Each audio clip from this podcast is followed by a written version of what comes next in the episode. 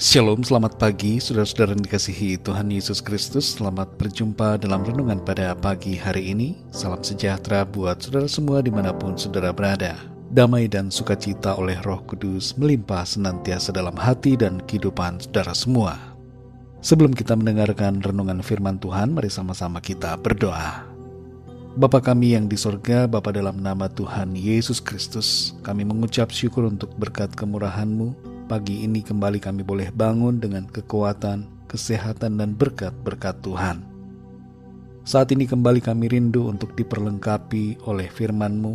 Tolong kami Tuhan supaya kami dapat mengerti dan berikan kami hati yang taat untuk melakukan kehendak-Mu.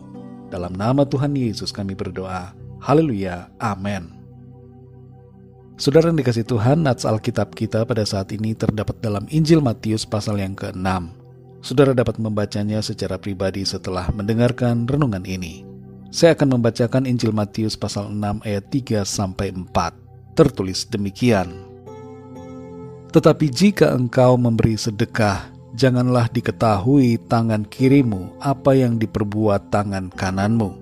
Hendaklah sedekahmu itu diberikan dengan tersembunyi, maka Bapamu yang melihat yang tersembunyi akan membalasnya kepadamu. Saudara dikasih Tuhan, pada abad yang ke-17, August Frank mendirikan panti asuhan untuk merawat anak-anak tunawisma di Halle. Suatu hari ketika Frank sangat membutuhkan dana untuk melanjutkan pekerjaan pelayanannya, seorang janda yang miskin datang ke rumahnya dan meminta satu keping uang emas. Karena situasi keuangannya yang sedang sulit, Frank dengan sopan mengatakan kepada janda itu bahwa dia tidak dapat membantunya. Mendengar jawaban Frank, wanita janda itu mulai menangis. Melihat itu dan tergerak oleh belas kasihan, Frank meminta janda tersebut untuk menunggu, sementara dia akan pergi ke kamarnya untuk berdoa. Setelah mencari tuntunan Tuhan, Frank merasa bahwa Roh Kudus ingin dia merubah pikirannya jadi Frank pun pada akhirnya memberikan sekeping uang emas kepada janda itu. Dua hari kemudian, Frank menerima surat ucapan terima kasih dari janda tersebut. Dalam suratnya, wanita itu mengatakan bahwa ia berdoa untuk pelayanan Frank agar panti asuhannya diberkati Tuhan. Tidak berselang lama, Frank menerima 12 keping emas dari seseorang yang tidak dikenalnya dan dua lagi dari seorang temannya di Swedia. Tidak berhenti di situ, Frank mendapatkan pemberian 500 keping emas dari Pangeran Lodewijk van Württemberg. Apa yang ia perlukan untuk pelayanannya tercukupi bahkan berlimpah-limpah. Kisah ini saudara bukan untuk membuat kita tergugah untuk memberi supaya menerima balasan berkali-kali lipat, tapi supaya kita memiliki sikap yang mau berbelas kasihan dan memberi seturut kehendak firman Tuhan. Memberi tidak akan membuat kita menjadi miskin, justru memberi akan membuat kita berbahagia dan diperkaya dengan segala kebaikan dan berkat Tuhan. Dalam Matius 6 ayat 3 sampai 4 ini tertulis, "Tetapi jika engkau memberi sedekah, janganlah diketahui tangan kirimu apa yang diperbuat tangan kananmu. Hendaklah sedekahmu itu diberikan dengan tersembunyi, maka Bapamu yang melihat yang tersembunyi akan membalasnya kepadamu. Bersedekah merupakan ajaran firman Tuhan, dan karena itu kita perlu menerapkannya dalam hidup kita. Dalam ayat 3-4 ini kita mengerti bahwa pertama, memberi hendaknya dilakukan dengan tersembunyi. Dalam memberi, motivasi kita bukan untuk mencari ketenaran atau penghargaan manusia, tapi kita melakukannya untuk Tuhan. Tangan kanan tidak perlu tahu apa yang dilakukan tangan kiri. Dan ini berarti bahwa pemberian kita tidak perlu dipublikasikan atau dipamerkan kepada banyak orang yang dapat menimbulkan kesombongan. Yang kedua, saudara, ada balasan Tuhan atas setiap pemberian yang kita lakukan. Kalau kita memberi dengan tujuan agar viral dan dipuji orang banyak, maka upah yang kita harapkan telah kita terima yaitu pujian dan penghargaan dari manusia. Tapi kalau kita melakukannya dengan tersembunyi, maka ada balasan berkat dari Tuhan.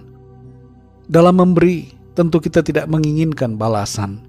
Tapi bagaimanapun juga, balasan itu akan datang dari Tuhan, sesuai dengan janji firman-Nya. Dalam Amsal 11 ayat 25 tertulis, Siapa banyak memberi berkat, diberi kelimpahan. Mari saudara yang dikasih Tuhan, kita hidup seturut firman Tuhan dalam hal memberi. Tuhan sudah memberkati hidup kita, karena itu marilah kita menjadikan diri kita berkat bagi orang lain.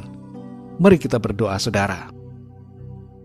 Bapa kami yang di sorga, Bapa dalam nama Tuhan Yesus Kristus, Tuhan Allah pencipta langit dan bumi, kami bersyukur kepadamu karena firman-Mu yang sudah kami dengar pada saat ini, yang mengajar kami untuk kami hidup memberi, berbelas kasihan kepada orang-orang di sekeliling kami, dan menyalurkan berkat-Mu yang Tuhan sudah limpahkan dalam hidup kami. Terima kasih untuk pengertian yang Tuhan sudah berikan lewat kebenaran firman-Mu pada saat ini. Kami mau menghidupinya dalam hidup kami. Jamah hati kami ya Tuhan, supaya hati kami dipenuhi dengan belas kasihan daripadamu, sehingga kami dapat memandang orang-orang di sekeliling kami dengan kasih Tuhan, dan mewujudkan kasih-Mu itu lewat pemberian kami. Terima kasih Tuhan, kami bersyukur karena Tuhan selalu memberkati kehidupan kami. Kami tidak pernah kekurangan. Tuhan selalu melimpahkan kebaikan demi kebaikan dalam kehidupan kami. Pimpin kami ya Tuhan di sepanjang hari ini dalam segala aktivitas yang kami lakukan, dalam studi, dalam tugas, usaha, pekerjaan, bisnis, dan segala yang kami kerjakan. Biarlah semuanya itu diberkati Tuhan, dan dalam semuanya nama Tuhan senantiasa kami muliakan. Kami menyerahkan segala rencana dan cita-cita kami ke dalam tangan-Mu. Kami percaya Tuhan akan terus berkarya dalam hidup kami. Kami berdoa bagi yang sedang sakit dan dalam pergumulan, agar Tuhan menjamah dan menyembuhkan, serta memberikan pertolongan bagi mereka. Terima kasih Bapa di sorga, dalam namamu yang kudus, nama Tuhan Yesus Kristus, kami sudah berdoa dan mengucap syukur. Haleluya. Amin. Puji Tuhan, saudara yang dikasih Tuhan, saya percaya firman Tuhan menjadi berkat dan kekuatan buat saudara semua dan Roh Kudus akan menolong saudara untuk lebih lagi memahami kebenaran firman Tuhan. Tuhan Yesus memberkati saudara semua. Sampai jumpa dalam renungan yang berikutnya. Haleluya!